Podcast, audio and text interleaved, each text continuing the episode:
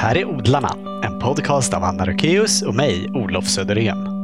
Odlarna ges ut i samarbete med Odlingstv och innan vi börjar vill vi tacka våra sponsorer som möjliggör den här podden. Det är Villab Garden som levererar uterum och växthus fraktfritt i hela Sverige. Och så är det Grön IT Konsult AB som saluför japanska verktyg av högsta kvalitet, till exempel silkesågar. Stort tack! Vår medverkande den här gången, Ellen Schagerström, är marin botaniker, doktor i växtekologi och forskar om tång vid Stockholms universitet.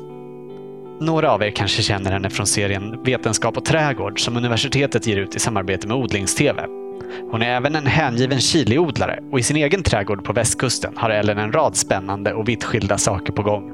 Förutom hugelbäddar och dammar också en orkidéäng, ett köttätande träsk och en dödsträdgård. Dessutom är Ellen en av förmodligen ganska få som förkultiverar plantor inomhus som hon sedan sätter ut i havet. Intervjun är inspelad på institutionen för ekologi, miljö och botanik på Stockholms universitet den 14 februari. Varsågoda, Ellen Schagerström.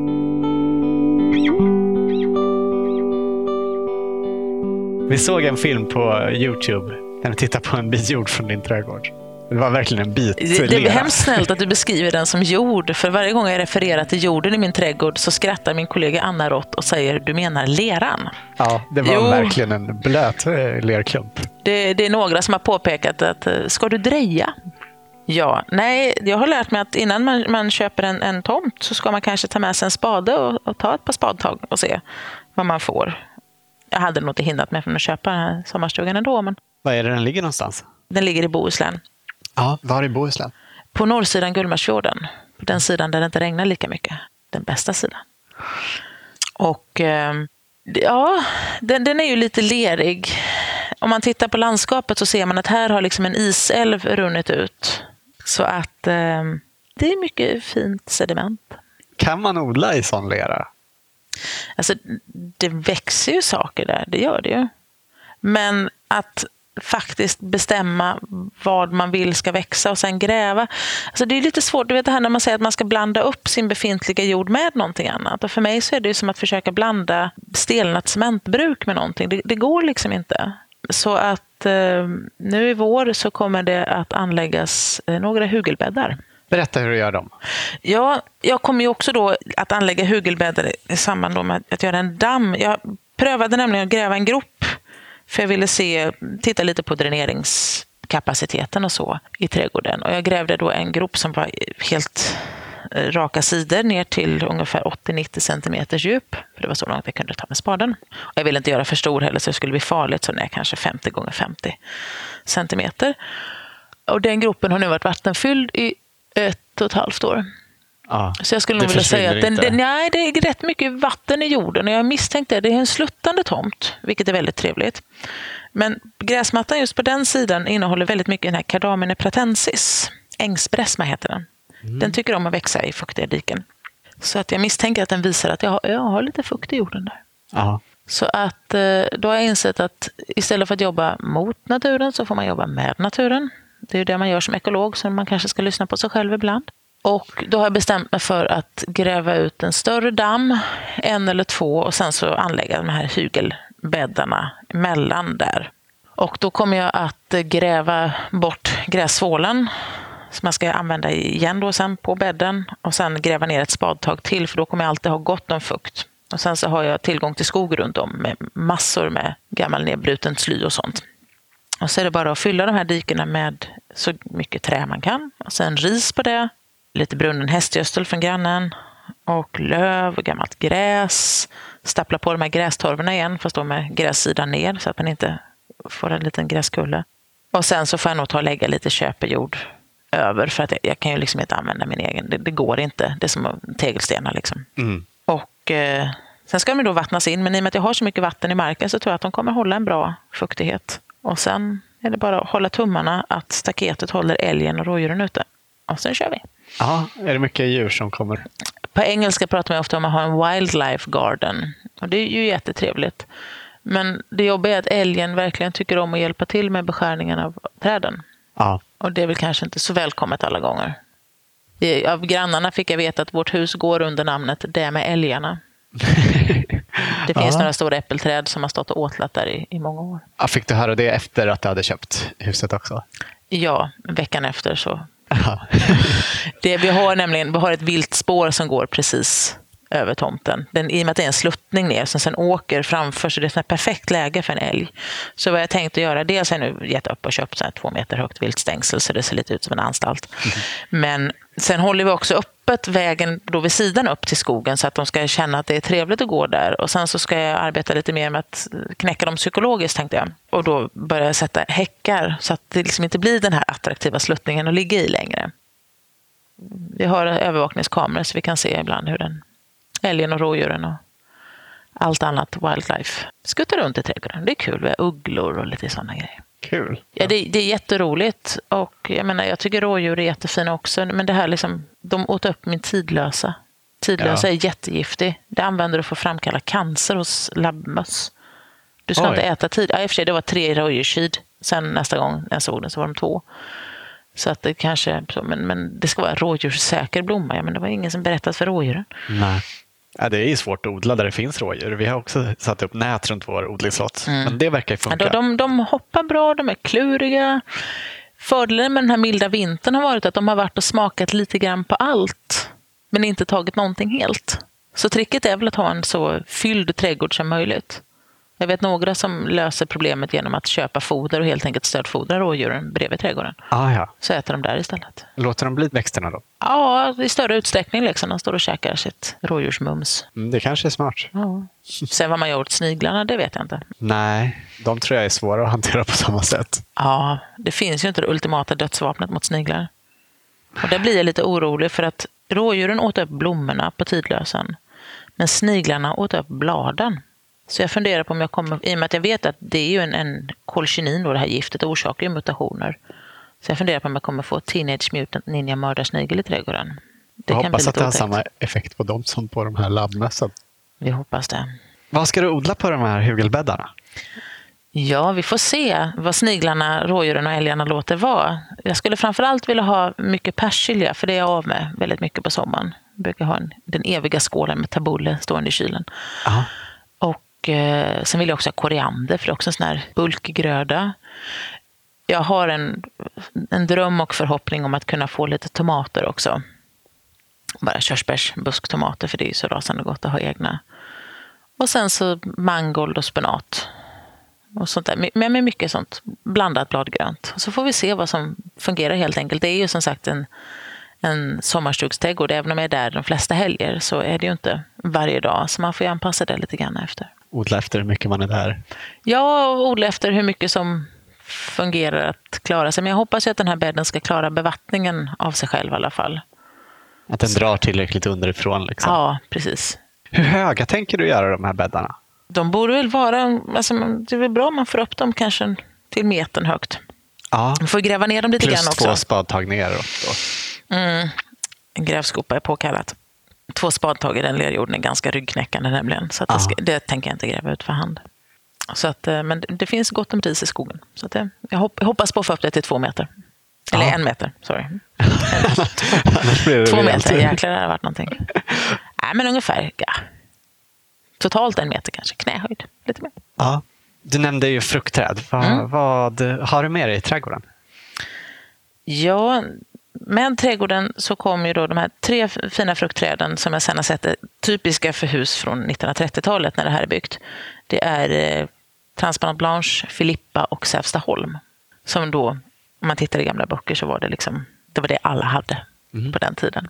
Med huset kom också ett enormt björnbärssnår som var det första jag rensade bort. Gillar du inte björnbär? Jo, jag gillar björnbär, men inte sådär 15 gånger 7 meter stort dödssnår där jag har tänkt att ha någonting annat, utan det får jättegärna växa i skogen. Men de behöver inte vara på tomten. Det var mer stixenbär också. Och sen så, så har vi en hel del hostor och lite blandat. Jag har en väldigt snygg eh, lökbacke också som jag håller på att jobba fram. Blandar upp med grus och bra södersluttning på. Växer lökarna också i den här styva lerjorden? Alltså, det intressanta med tomten är att man ser en, en skillnad i jordmånen lite beroende på var man gräver. Så det är lite skiftning. Och tyvärr, den här styvaste leran är ju precis det jag vill ha min köksträdgård. Såklart. Ödets ironi. En liten bit ner så ser jag att det börjar komma lite mer sandfraktioner. Och det, det stämmer ju med om man tänker sig att det är gammalt svämmat isälvsmaterial. Högre upp, så där huset ligger, för det ligger högst upp på den här sluttande tomten, så är det ju ursprängt ur berg. Och då har jag lite berg i dagen, men sen har jag också då att de har fyllt ut lite grann där uppe. Och då är det ju gammalt kross och skrävel som de har fyllt i med, med annan jord. Så där är det lite mer poröst, bättre dränerat. Så där har jag exempelvis lyckats sätta en lavendelhäck nu som fungerar. Men vet du om det har, liksom, har det funnits någon köksträdgård där tidigare? Odlats någonting? Ja, det är jätteroligt för att vi köpte huset av så att säga, dottern till han som byggde huset 1933. Och då har släktingar varit förbi och hälsat på och, ja, men de ser att vi håller på där. Och säger hej, jag tycker det är kul att vi liksom tar hand om huset och, och berättar lite om historien och så. Så då har jag fått, har jag fått ett gammalt flygfoto där man kan se gamla potatisland. För det här var ju en stenhuggare som bodde här med sina, om det var sju eller åtta barn. Och det, det, han, är, han är ju så högt, trappan och grunden till huset själv, det är jättefint gjort. Man ser uppe i, i skogen där så ser man liksom täkten där han har tagit stenen för att hugga. Men eh, då behöver man ju också ha en, en rejäl köksträdgård. Så det har ju funnits potatisland och sånt, men inte riktigt där jag vill ha dem. Och det, det var länge sedan så att marken har, har gått igen. Hur länge är det ni har haft eh, det här huset? Låt mig se, jag tror vi har haft det nu i tre. Det här blir fjärde sommaren och vi köpte det på hösten. Så att eh, 2013 kanske. Och virket, vi ska ju skrapat fasad då. Virket är som om det var byggt igår. Det är så jävla bra virke. Förr i tiden kunde man bygga hus. Ja. Sen så fönstren då från 1983, de är ju bara liksom slänga. Hur kom det sig att du hamnade där i, på västkusten? Eh, jag har bott på västkusten tidigare. Mm. Och eh, längtade tillbaka. Gullmarsfjorden är, Sveriges i särklass bästa dykplats. Så att eh, från början var det tänkt att det skulle vara en badhytt helt enkelt. Då, någonstans att eh, sova över medan man åkte ner och eh, dök. Både jag och sambon dyker. Men så hittade vi det här och så kände man, åh, med trädgård, vilken vinst. Aha. Och så har jag känt det här behovet av att ha en, en trädgård igen. Vi bodde innan, innan vi flyttade upp till Stockholm så bodde vi nere i Lund och då hade jag en odlingslott där. Den skånska myllan var ju nattsvart och vad man än petade ner så växte det sig jättestort. Så det var ju helt underbart. All, lite annorlunda från Bohuslän. Var det en besvikelse när du tog de första spadtagen där i Bohuslän och såg att det inte var den skånska myllan? Nej, det var det inte. Jag hade ju odlingslotten vi hade i Skåne var ju, där fick vi gratis kompost av kommunen. Det var helt fantastiskt. Aha, eh, så wow. den var ju väldigt lucker och, och välskött. Men eh, nej, det här är väl lite kul att man har chansen att själv forma någonting och en liten utmaning. Aha. Det är kul när det inte alltid är självklart utan man ibland får gå in och tänka ett varv till. Jag gillar det. Har du försökt jobba upp leran med kompost och så, eller har du gett upp det? Gav du upp det från början? Jag gjorde ett försök när jag skulle gräva mitt första potatisland. Och så hällde jag på en säck med jord och så tänkte jag blanda runt just på den här den lerigaste biten. Och det går ju helt enkelt inte. Så att eh, det insåg man ju snabbt att nej, men jag får lägga den här jorden ovanpå. Så har jag jobbat då med att lägga ris och löv och brunnen hästgödsel och så får jag liksom odla uppe på. Och uppe på helt enkelt. Så det är det jag tänker vidareutveckla nu med hugelbäddarna. På vissa ställen i trädgården så går det att gräva rabatter och sånt. Så där funkar det bättre. Men som sagt, det, det varierar. Och typiskt nog så är det kökslandet som är, som är värst. Men du har aldrig tänkt att du skulle lägga kökslandet på en annan plats där, där det är lite bättre jord? Ja, nu, nu är det inte jättebättre jord på alla ställen, men jag vill göra någonting annat på den platsen där de har haft ett potatisland. Jorden är inte så fruktansvärt mycket bättre där så det är värt att göra om layouten på trädgården. Vad ska du ha där då? Jag har min orkidéäng där. En orkidéäng? Jag håller på att anlägga. Aha. Är det alltså orkidéer som vildväxande orkidéer? Eller? Eh, nej, jag har köpt orkidéerna från Torvan handelsträdgård. Ah. Jungfru Marie Nycklar är nämligen en av de få orkidéer som växer på surjord. Jag har väldigt sur eh, jord. Väldigt bra mark för om jag skulle vilja ha rhododendron, små såna här japanska lönnar och förhoppningsvis då den blå bergsvallmon. Den ah. jäckande juvelen. Men också då jungfrumani nycklar. Och jag vet att en bit bort längs vägkanten så finns det orkidéer i dikena. Så då ser man, okej, okay, men det, det funkar. Så då när man köper dem från torvan så orkidéer har ju sådana här små dammfrön. De är otroligt små, de minsta frön i världen som finns. Och de behöver snabbt, när de, när de ska liksom gro så måste de ha hjälp av en svamp. Få det här mycelet runt sig så att svampen kan ge dem näring. De klarar sig inte annars. Så det är jätteviktigt för orkidéer att det finns rätt svamp, annars kan de inte gro. Och när man köper dem från torvan så har de då, då finns ju den här svampen där redan. Mm. De har den med sig. Precis, den finns redan i den jorden. Så att det är därför, för man, annars så kan man ju då ta frön vilt, men då är det alltid svårt med, kommer man att få med svampen? Så att jag föredrar att köpa en orkidé och så har jag planterat ett par nu och den blommade i somras första gången, lite försiktigt men ändå. Knepigt, det gäller mm. liksom både att svampen trivs och orkidén. Mm. Så därför får man inte använda några såna pesticider eller någonting mot svamp. Nej. För att eh, svamparna är jätteviktiga i en trädgård. De är ju jättebra på att få loss näring ur, ur mineral och sånt där och förse växterna med det. Mm. Sen finns det såklart elaka svampar också. Men... Just det, det där handlade lite om i ett avsnitt av den här Vetenskap och trädgård som ni gjorde på Odlings-TV. Mm. Vill du berätta något mer om det, här, just samarbetet mellan svampar och Man vet växter. ju sedan länge att eh, svampar och växter ingår i ett samarbete. Och man har väl kanske inte riktigt förstått hur viktigt det där är. Att det är verkligen det är inte så att olika arter existerar ensamma, utan allting i naturen är ett stort samarbete. Alltså, man ska liksom inte in och peta och förstöra det där. Nej. Utan svamparna hjälper till och det här mycelet håller fukt och det, det, får fram vissa näringsämnen som växterna kan ha svårt att ta upp direkt.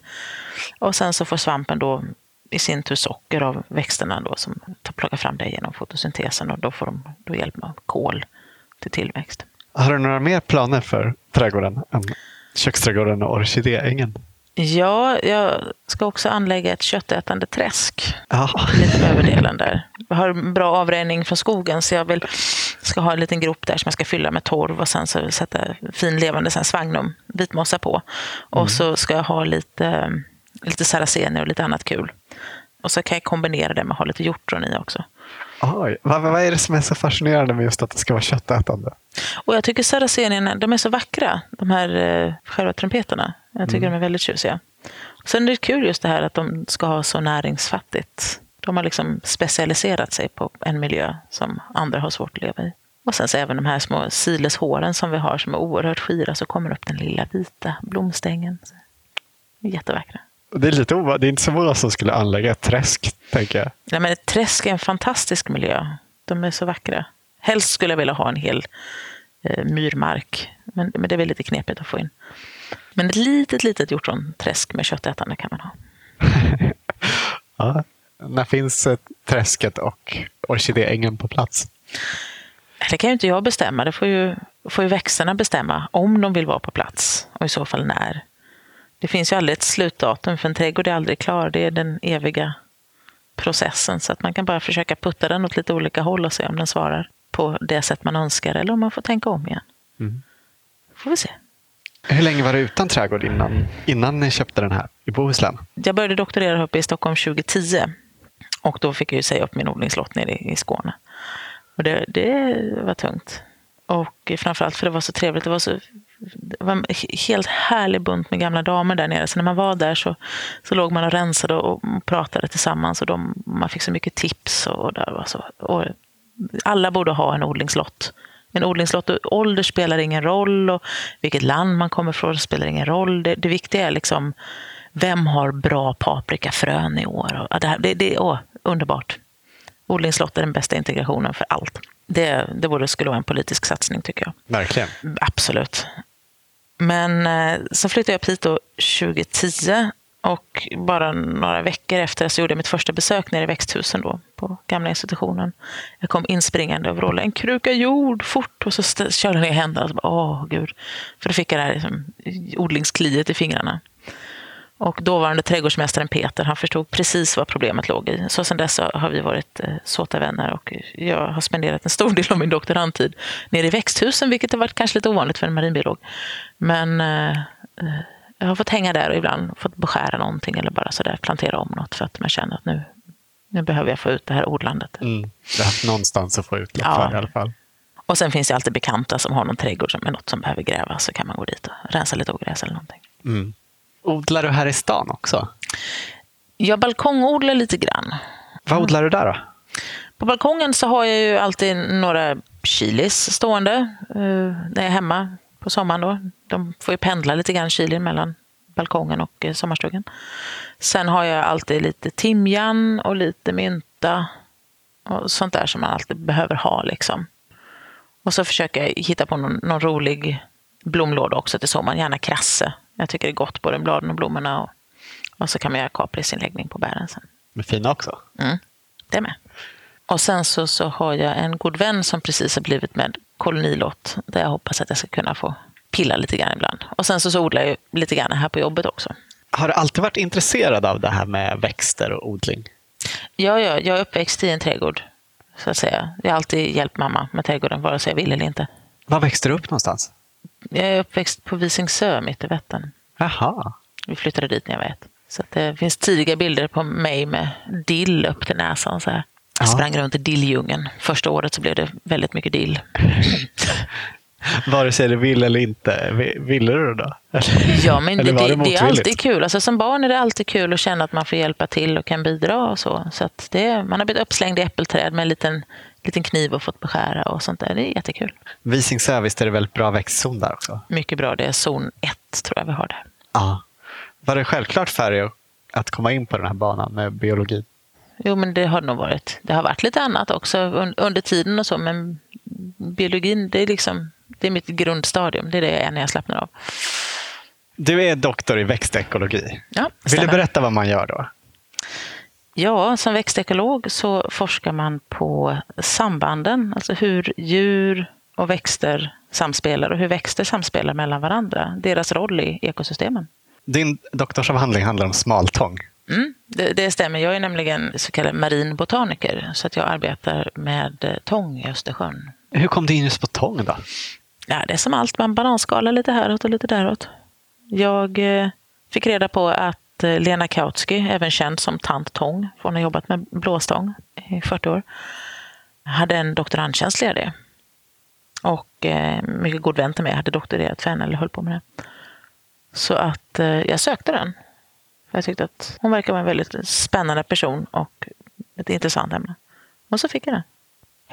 Var det självklart att du skulle syssla med marinbiologi och inte uppe på land? Nej, det var väl inte helt självklart. Alltså jag har alltid varit förtjust i havet och, och dykning och sånt här med uppväxt på en ö. Men eh, när jag läste på universitetet, men alla kurser var intressanta. När man läste en kurs i geologi så var det jättekul och man var åh, jag ska bli geolog, gud vad kul det här är. Så läste man nästa kurs och åh, vad kul det här var och det här är jättekul. Men så är det någonting speciellt ändå med havet. Jag vet inte, liksom, allt annat är kul, men havet är passion. Smaltång, vad är det egentligen? Smaltång är eh, Östersjöns enda egna art. Den är alltså endemisk, den finns bara i Östersjön, vad jag vet. Hur ser den ut? Ja, den ser ut som mammaarten till den kan vi säga. Som vi, vi tror nämligen att den har bildats ur blåstång. Ja. Men till skillnad från blåstången så saknar den då blåsorna. Och dessutom så är den mycket smalare. Så att därav smaltång. Och eh, vad har du kommit fram till när du har skrivit om den? Ja, jag har ju haft eh, får säga, lyxen att arbeta med en, en relativt ny art. Och då får man ju ställa de här roliga första frågorna. Hur kom den till? Var finns den? Vad, hur fungerar den i samband med andra? Är den annorlunda än blåstången? Spelar det någon roll om vi har blåstång eller smaltång för djur och andra alger? Gör det det då? Ja, den är väldigt lik blåstången på, på många sätt. Så är man ett litet djur som ska gömma sig så, så är det inte jättemycket skillnad i funktion. Där är det snarare storleken på själva tångruskan som spelar in. Att ju större tångruska desto exponentiellt fler djur hittar vi i den. Vet man hur länge den här smaltången har funnits? När den skilde sig från blåstången? Nej, det vet vi inte. Jag skulle hemskt gärna vilja räkna bakåt på det. Vi tror ju att den här splitten, artsplitten så att säga, har skett i Östersjön. Mm. Blåstången är ju en, från början en marin art och vill ha riktigt saltvatten. Men den kom in i Östersjön för ungefär 8000 år sedan och så har den anpassat sig och klarar av den ganska låga salthalten som vi har. Vi funderar ju på, som sagt, ja, men är det att de, någon, någonting har hänt, att någon, någon grupp har börjat reproducera sig vid en senare tid exempelvis. För att har du en, en tidsskillnad i, i när man reproducerar sig så blir det väldigt snabbt två skilda arter. Mm. Och vi har sett genetiskt att det är två skilda arter. Vill du berätta vad det är som gör att en växt skiljer ut sig som en egen art? För många av de växter vi odlar kan ju vara väldigt olika, men vara samma art, fast olika sorter. Ja, då kan vi börja med att säga att artkonceptet är någonting som zoologer har kommit på och det passar inte på växter. Nej, för när man pratar om djur, då är väl en I skolan art djur som tillsammans sig kan få en fruktsam fertil avkomma. avkomma. Precis, där är att hästen och åsnan är skilda arter eftersom mulan eller mulåsnan är steril. Det funkar inte riktigt så på växter. Så det här med artbegreppet, det tycker jag är lite knepigt för att ska man definiera art så måste man först börja definiera individ. Jag vill nog hellre definiera art på en genetisk nivå för att vara säker. Jag tycker det är svårt med artbegreppet. Ja. Och särskilt då, i och med att det då kräver en form av sexualitet där. Och jobbar man då med, med en vegetativt förökande organism, då Så blir det samma individ. Ja. Ja. Om man till exempel sticklingsförökar en pelargon så blir det nya samma individ som moderplantan fast att de står i olika Genetiskt sett kommer det vara det. Det är också det. Man måste ju vara specifik på vilken nivå man pratar om det. Pratar vi individ på genetiknivå så är det en sak. Men pratar vi individ, vi, vi vill ofta se det ur det mänskliga perspektivet. Och då är individ någon som är en person som har rösträtt. Och, ja, två enäggstvillingar är ju kloner fast de sitter ju inte ihop. Men om man definierar en art genetiskt, då, vad, vad gör det till en art då? Då ska den skilja sig tillräckligt mycket från en annan. Man ska se att om man provtar hundra stycken så brukar det lite snyggt så här förhoppningsvis. Om allt går som det ska så får man ut sitt dataset på en liten plottrad karta och då ska det helst bilda två små moln av prickar. Och då Ja. säger man att ja, nu skiljer det sig tillräckligt mycket så kan man då säga att vi tycker att det är en art när.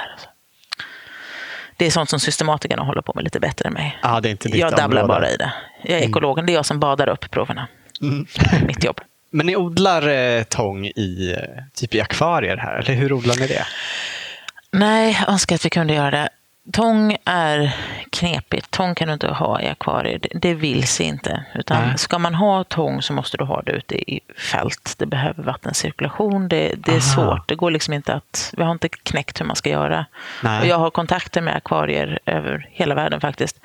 Jag har en gammal kollega från Filippinerna som jobbat både på Hawaii och Arabemiraten och sånt. Och brunalger eller alger överhuvudtaget, det är för svårt att ha i akvarier. Vi kan odla mikroalger. Kan vi göra. Så det har vi. Men sen så, så de så säga, odlingar som jag har av tång, de står nere på vårt, eh, vår fältstation, Askölaboratoriet. En timme söderut, Trosa skärgård. Aha. Då brukar vi göra så att man kan göra, reproducera tången inne på labb. Det är väldigt spännande. Blåstången och smaltången reproducerar sig bägge på sommaren. Mm. Eh, Och de mognar upp då vid fullmåne. Gissningsvis en gammal kvarleva från när de bodde på Tidvattenstranden. Aha. Ja, och eh, då kan vi ta in dem i labbet och förbereda dem på lite olika sätt. Och sen så, så, så släpper äggen, det brukar vara klockan 19.30. Och så kommer hanarna lite senare för att eh, spermien är lite mer kortlivade. Så att äggen ska ha kommit ut ordentligt. Och då, då blir det så här fint för att se äggen de ligger förpackade 8 och 8 i en liten påse gjord av socker. Och så, så löser den upp sig när den kommer ut i vattnet och då ligger de här åtta äggen och de är så här perfekt, perfekt runda. Helt fantastiskt. Och sen så kommer spermierna och då ligger de också i små påsar. 64 stycken spermier per påse. Kallas Exakt. Eh, Mycket exakt. Och så kan man då göra de här utsläppen. Man har honorna där, man har hanarna där, som skilda kärl. Och sen så, så beroende på man, antingen så vill man kanske då, som jag har gjort med smaltång, jag har korsat olika individer, gjort specifika korsningar. Det blir en lång kväll. Eller så kan man bara hälla ihop. Så då befruktar man dem och så får de stå en liten stund och sen så efter någon timme ungefär så för att i vattenmassan så sker befruktningen och sen så, så sjunker det här lilla befruktade ägget och ner mot botten och ska fästa mot hårt substrat. Och då kan vi så ut dem i, i såna här glas, ugnsformar på kakelplattor. Så att eh, jag vill rikta ett tack till Kakelpalatset som har försett mig med kakelplattor efter att ha tittat på mig länge när jag förklarade att jag inte brydde mig så mycket om framsidan på kakelplattan utan ville ha en bra baksida. Ah, och när jag förklarade struktur. att jag skulle så tång på den så sa han inte att jag var en idiot utan han tittade en stund och så sa han hur många ska du ha? Ja, 20.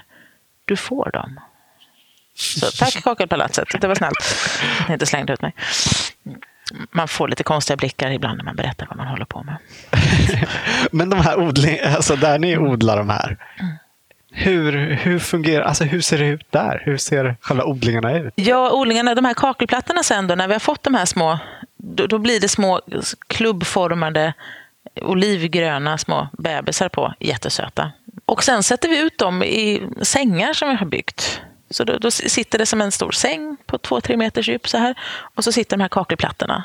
Och så står de ute i, i vattnet. Men det är ute i havet? Ja, liksom. ute i havet. Och så får de klara sig bäst de kan. De är ganska duktiga. Ja, det är spännande. Men det finns alltså inga tångodlingar här på universitetet? Jag har ganska mycket torr tång i mina herbarier på rummet dock. En hoarder av stora mått. Va, hur använder du den i forskningen? Framför allt det som vi pratade innan om att blåstången kan se väldigt olika ut beroende på var den växer. Så att när jag är någonstans runt Östersjön så samlar jag in och pressar tång för att skapa mig en bild över variationen i hur den ser ut. Och sen så en, en artikel som jag publicerat var också när jag just gjorde en jämförelse mellan blåstång och smaltång. För att se, då pressar jag dem och sen så till att ingen bit överlappar någon annan. Så skannar jag in och räknar ut omkrets och area.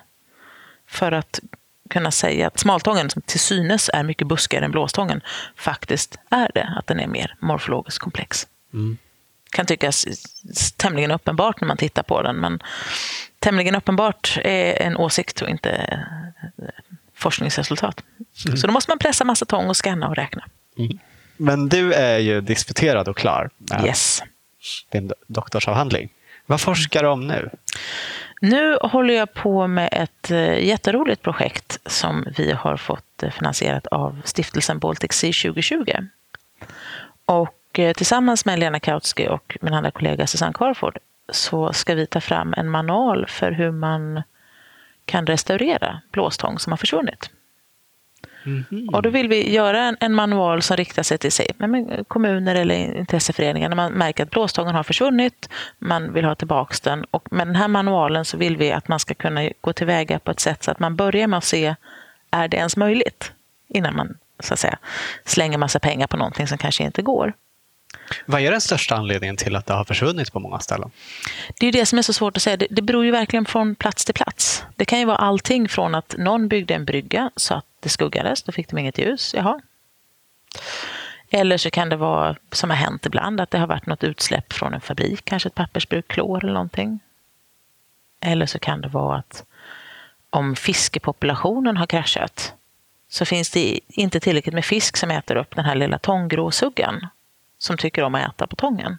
Mm. Så då har det blivit för mycket tångätare helt enkelt. Så då har tången försvunnit för att den hade hunnit växa upp i takt med att den blivit nedbetad.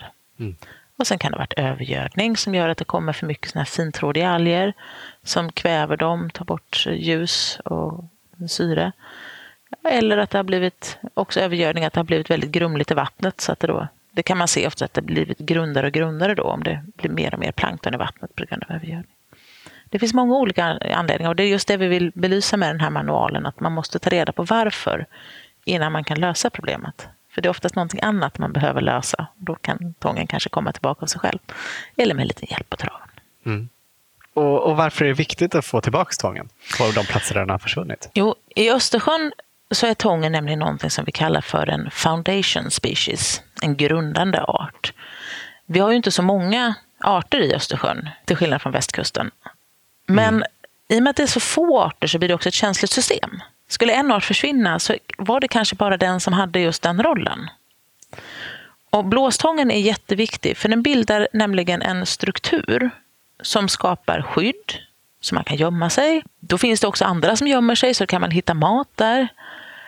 Man kan också, i och med att den är ganska bred, så kan man också om man är en liten fastsittande djur, som en havstulpan eller någonting, så kan man sitta på där, så det blir också en, en boplats. Spiggen bygger sina bon i tången oftast. Och tången är ju flerårig. Den finns även där på vintern. Medan de flesta andra, jag menar, tar vi de här kärlväxterna som vi har, vanliga växterna som några har ju kommit ner, tillbaka ner i havet från land, mm. de vissnar ju ner på vintern. Ålgräsängen som är jätteviktigt eh, habitat i havet, men den finns ju bara på sommaren. Mm. Men blåstången finns där hela vintern, så den är lite grann som skogen. Det är våra granar och tallar. Och skulle skogen försvinna, ja, då är det ganska många djur och växter som inte har någon hemplats. På våren så är tångskogen extra viktig för då, då blir det lite varmt och stilla där, för den hindrar ju vattenrörelsen. Så det värms upp lite snabbare inne i tångbältet. Och då är det många fiskar som använder sig av tången som dagis för de små ynglen. Men hur är läget för tången nu då? Ja, Östersjön har ju fått väldigt mycket näring genom åren och eh, blåstången minskade kraftigt. Men nu så ser vi att den börjar komma tillbaka. Det börjar bli bättre. Det finns, som, som alltid så, det är en väldigt, väldigt variation. Det kan vara jättebra i en vik och jättedåligt i nästa. Och, eh, jag själv arbetar med den nationella miljöövervakningen på vegetationsklädda bottnar. Så vi är ute och dyker och undersöker bland annat hur djupt blåstången växer varje sommar. Och vi ser också att den, den börjar komma lite djupare. Det gillar vi. Ja, det är bra. Här på universitetet då? Vad odlar ni här? Ja, här har vi då i växthusen så har vi våra samlingar. Vi har en hel del då, dels sånt som är för undervisning och sen också för forskning. Och sen så på våra fältodlingar så är det ju forskare som odlar för olika projekt. Du och din kollega som är trädgårdsmästare på universitetet har också gjort några klipp på odlings-tv om chiliodling. Ja. Varför chili? Vi började pyssla lite grann med det förra året. När man är forskare så att, att vara forskare innebär att man arbetar enligt en vetenskaplig metodik. Och det passar ju ganska bra när man ska odla och ta reda på någonting. Man gör någonting som kallas för replikera, att man odlar flera stycken av samma sort. Så ser man liksom, så det är inte bara just en planta som beter sig, utan man, vill man säga någonting om hur den här sorten beter sig så, så odlar man flera stycken och liksom får ett medelvärde. Och då var vi lite sugna på att hitta på någonting och så hade jag beställt lite chilifrön och så hade hon beställt lite chilifrön och så sa vi, ska vi odla de här 16 sorterna? Och så jämför vi grobarhet och växthastighet och hur utvecklas rotsystemet och vad får vi för skörd och, och sen också hur smakar de? Så att eh, då fanns det lite plats över i ett växthus. Så vi odlade upp de här 16 sorterna. Och sen ville vi också jämföra lite grann hur det funkade med när man gav dem de ultimata växtförhållandena som vi har här under värme och bevattningsmatta och ljus 16 timmar om dygnet och lullull mot när man är hemma. Och mina stackars chili då, som eftersom jag jobbar i fält mycket, de fick åka till västkusten fram och tillbaka och hålla på. Pendla chili. Och så såg vi liksom lite grann hur kan vi jämföra då liksom en hemmaodlare med en proffs. Är det värt att skaffa sig ett växthus helt enkelt? Mm. Är det, svar, det? Ja, alltid värt att skaffa sig ett växthus. Herregud. Jag förstår inte att det inte är en mänsklig rättighet att alla ska ha ett växthus. Men eh, nej, så det var kul. Och så, så odlade vi upp dem och så tittade vi på hur mycket skörd vi fick och vilka växte snabbt och vilka skulle vi behöva spaljera och liksom lite grann så här, bara för att ta reda på, kan man ge odlingstips? Ja, vill du ha en stor chili? Ja, men ta den här. Vill du ha en liten chili? Ta den här. Jag har sett just att ni spaljerade chili. Mm. Det var väldigt snyggt. Ja, det blir jättetjusigt. Man kan forma dem och framför allt blir det väldigt snyggt andra året. Då har man ju redan en stomme att arbeta från. Så vi ska visa i år igen med några chili. Framförallt Jamaican Bell är väldigt tacksam. Men i år så ska vi visa också från början med några ettåringar hur vi gör. Och så ska vi även följa de här som vi redan har spaljerat som är inne på andra året. Man kan få upp vissa sorter ganska högt. Det är kul. Praktiskt att spaljera är också om man inte har ett växthus mm. utan ska odla inomhus. För det funkar ju också. Du kan ha dem inne året runt. Det funkar kalasbra. Du kan knöla in dem i ditt ljusaste fönster. Det går jättebra. Du behöver inte hålla på och kruka upp dem till stora krukor. Alltså den växer så stor som du ger den tillåtelse till. Jag satte ut chili på friland nere i Skåne i en varmbädd som jag hade grävt. En Jamaican Bell. Mm. 142 frukter. Ja. Så att, lek med det. Det är inte alla som övervintrar chili, men Nej. ni tycker det är värt att göra det? Har man möjligheten, och då behöver man ganska svalt, alltså lite grann som för pelargoner, ljust och svalt, så mycket ljus som möjligt. Så det kan vara värt, vill man övervintra chili så tycker jag man ska investera i lite växtlampa. Ja. Går det utan också? Ja, det kan alltid gå. Jag har övervintrat chili innan också. De kan se hysteriskt ämliga ut på våren där. Men så får man ju plantera om dem, ge dem lite näring och gulligull. Så kan det funka. Eller inte. Man får inte bli för besviken om det inte går. Nej.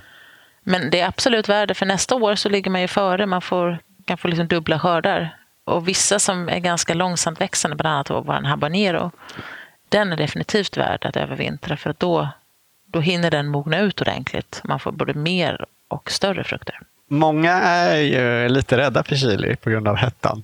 Mm. Har du tips på några milda sorter? Ja, habanero dulce. Gud vad god den är.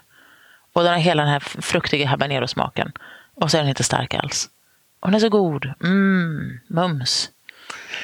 Och sen så gillar jag Jamaican Bell. Den har också en väldigt mycket fruktig smak. Den blir jättegod torkad. Den kan bli lite stark ibland. Det beror på om man har jämn eller ojämn vattning. Jag tycker det, verk det verkar som, vi ska väl se lite grann med det också, men att chili kan bli starkare om man har en ojämnare vattning. Så att de två sorterna tycker jag är helt underbara. Och förra året prövade vi Big Jim också. Den är fin, lite starkare. Har du någon bra nybörjarsort? Första man ska prova? Ja, i år så har vi då sått tre sorter i det här programmet. Vi har eh, Quindela Blanca, jättetrevlig, ger snabbt skörd, ger mycket skörd. God att bara lägga på grillen. Den inte så stark heller. God att göra pulver av, trevlig, lätt att torka. Jamaican Bell än en gång. Den är trevlig, den blir jättestor. Den fyller upp ett köksfönster på nolltid. Men den är kul om man vill spalera. Och eh, som sagt, ja, habanero dulce, ja, kanske inte nybörjarsort. Den kan vara lite marig, lite sen i starten med att gro och sånt där så kanske man blir nervös. Men, eh, nej, men börja med någonting snällt och trevligt. Jag menar, man kan ju ha den för att den är snygg också. Man behöver ju inte äta den, så go ahead. Man vänjer sig vid hettan också. Ja, det finns väl smärtgränser kan jag väl säga, tycker jag. Ja. Jag drar nog gränsen någonstans vid 30 000 Scoville-grader, tycker jag. Där, där börjar jag bete mig som en dreglande noshörning. Mm. Jag har upplevt att det kan vara ganska mycket problem med ohyra mm. på chili. Har du något tips kring det? Chili får ohyra, oftare än inte. Få inte panik. Det finns sätt att förebygga det så gott som möjligt, men det kommer säkert hända, särskilt bladlös. Hur gör man bäst för att förebygga då? Ja, ett tips är att inte ha din chili för blöt. För då får du sorgmyggor. Så att eh, gå liksom inte småvattna i chili varje dag, utan verkligen känn, känn. Den kan ofta torka på ytan och då ser den torr ut, men känn under. Är den verkligen torr under också? Man känner ju på en kruka om den är lätt eller tung. Mm. Så länge den är tung, var inte rädd. Du ser ju, när den börjar sloka med bladen, då är det dags. Liksom. Mm, det är inte för sent då, nej, som nej, nej, nej, med vissa växter? Nej, nej. Om man väl har fått ohyra då? Är det bladlös exempelvis så kan det ibland räcka med att man duschar med lite ljummet såpat vatten och så ställer man dem inte i direkt solljus för att bränna det. Och så kan det försvinna. Vad vi använder här, eftersom vi är ett större växthus, är att vi använder en liten parasit som vi släpper ut som går på bladlössen. Så vi vill alltid ha lite bladlöss för då bor parasiten i dem och dödar av dem. Men vi måste ha bladlössen för att parasiten ska leva. Så att vi har liksom hittat den här ah, för att en balans. Igång, ja, så det, liksom. Vi vill alltid ha lite bladlöss för då har vi parasiten igång och så har vi liksom en sån terrorbalans going. Där. Använder du bara ekologiska metoder? Jag, jag, jag är uppväxt, mina föräldrar var gröna vågen, så att jag är uppväxt med, eh, med ekologisk odling kompost och, och hästgödsel och kogödsel. Man behöver inget mer. Nej, så är det. Så är det. Och det, det, är också det som vår kollega Pil som är med i första avsnittet i Vetenskap och trädgård hon berättar det mycket tydligt hennes forskning visar det att har du en jord i balans som du, alltså det viktigaste som, som naturgödseln tillför en jord kontra konstgödsel. För konstgödsel är, ju, är näringsämnena men i grundämnesform. Men det finns så mycket mer när du har en levande jord med, med alla de här mikroorganismerna och de är så otroligt viktiga för växterna. För det är ju en hela tiden en symbios. Växter har ju växt fram tillsammans med de här små mikroberna. Så att har du dem så får du mycket bättre växter. De är de mer motståndskraftiga och allting. Så har du en bra levande jord så behöver du inte ha en massa konstgjorda gifter för att de, de fixar det själva. Du, jag glömde fråga förut när vi pratade om tång, ifall du också äter tång. Men visst kan man äta blåstång? Ja, du kan äta blåstång. Det har jag hört folk höra av sig. Kan man äta blåstång? Har det några fantastiska effekter? Ja, du, vi löser magen. Och är man hård i magen så är det en fantastisk effekt. Men nej, jag äter inte blåstång. Det smakar ganska äckligt. Men visst, jag, jag har bjudit kungen på smaltång. Ja. Små snittar. Så det funkar. Ja. Som pynt, absolut. Mm. Liksom. Men man tyckte bättre om den med gammarus på. Mälkräfta. Men eh, däremot så kan jag ibland på sommaren göra knöltångssallad om jag är på västkusten. Mm. Ascophyllum norosum. Hur känner man igen den lättast? Ja, den går inte att blanda ihop med någonting annat. Eh, men måste man, man slår upp den i en bok och så ser man ja. att det, det, det, är den. Den har en, blåsarna sitter en och en ganska avlånga, den växer grunt. Och, ja, den ser väldigt knöltångig ut helt enkelt. Kallas man för gristång också. Mm.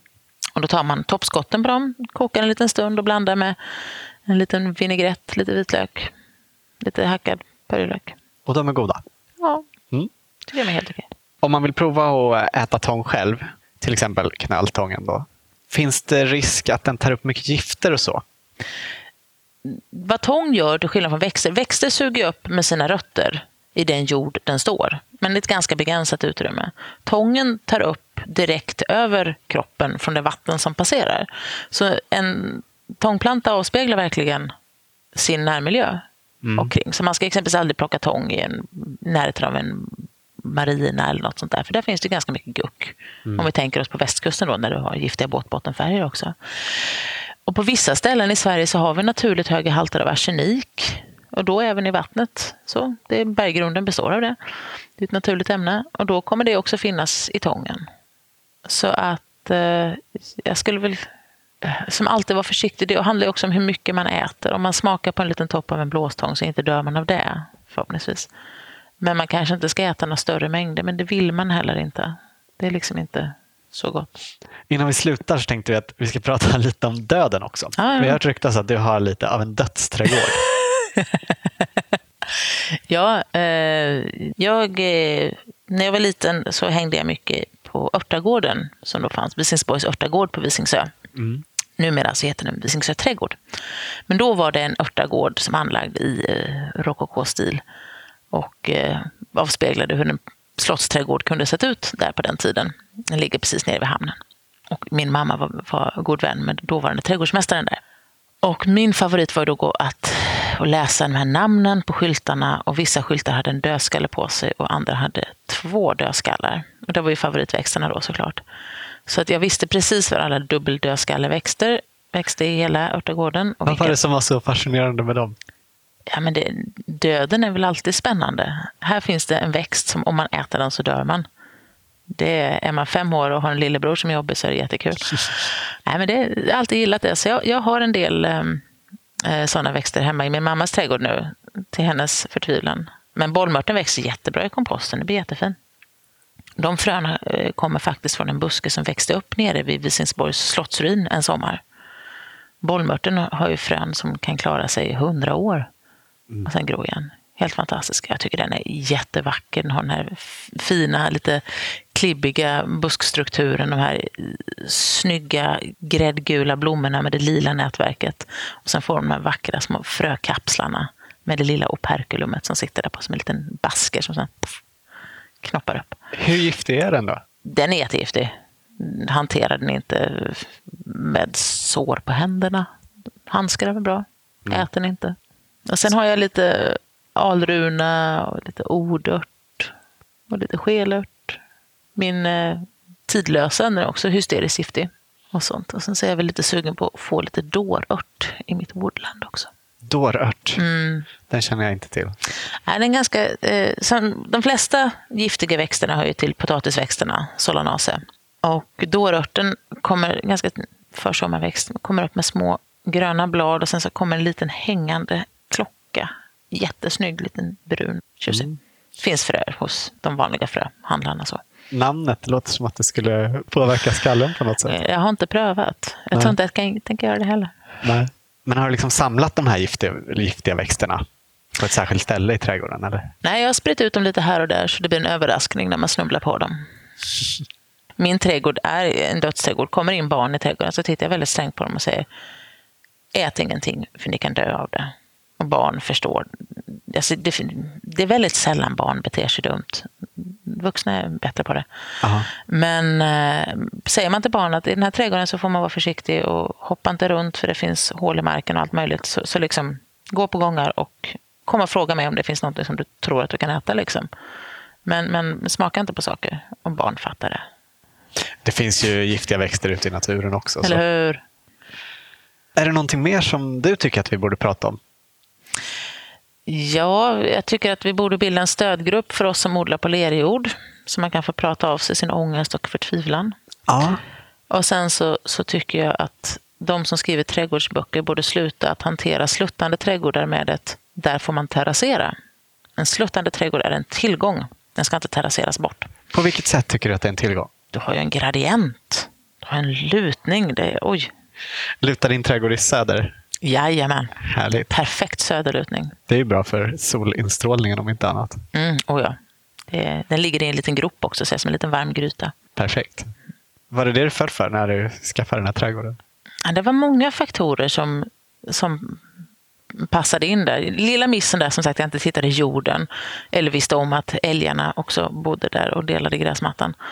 Men, eh, ja, men man tittade på den och sen så, så man kände att här, här fanns det saker att hitta på, göra, möjligheter. Och så var det lite kul, för som sagt, ofta när man planerar en trädgård i huvudet så, så tänker man en bit platt mark, skadad som man är. Och här fick jag ju tänka om helt. Hela första året så gick jag bara runt och gjorde ingenting duktig som man ska då vara. Mm. Tittade vad som kom upp och bara, jaha, hur ska man göra här? Och sen när man började komma på att det här med sluttande trädgård är ju rasande roligt. Då började vi forma. Mm. Vi brukar alltid avsluta varje intervju med att våra medverkande får ge sitt bästa odlingstips. Har du något sånt att dela med dig av? Gräv in humusämnen. Kompostera mera. Odla inte på stuvlera. Visa av erfarenhet. Ja, vi får se. Nästa år, om det går bra, så kanske mitt bästa odlingstips blir anländ hugelbädd. Ja. Men just nu så är det äh, mycket humusämnen. Ja. Mycket kompost, mycket lövkompost. Tack så jättemycket för att vi fick komma hit, för mm. att du tog dig tid. Tack för att jag fick komma.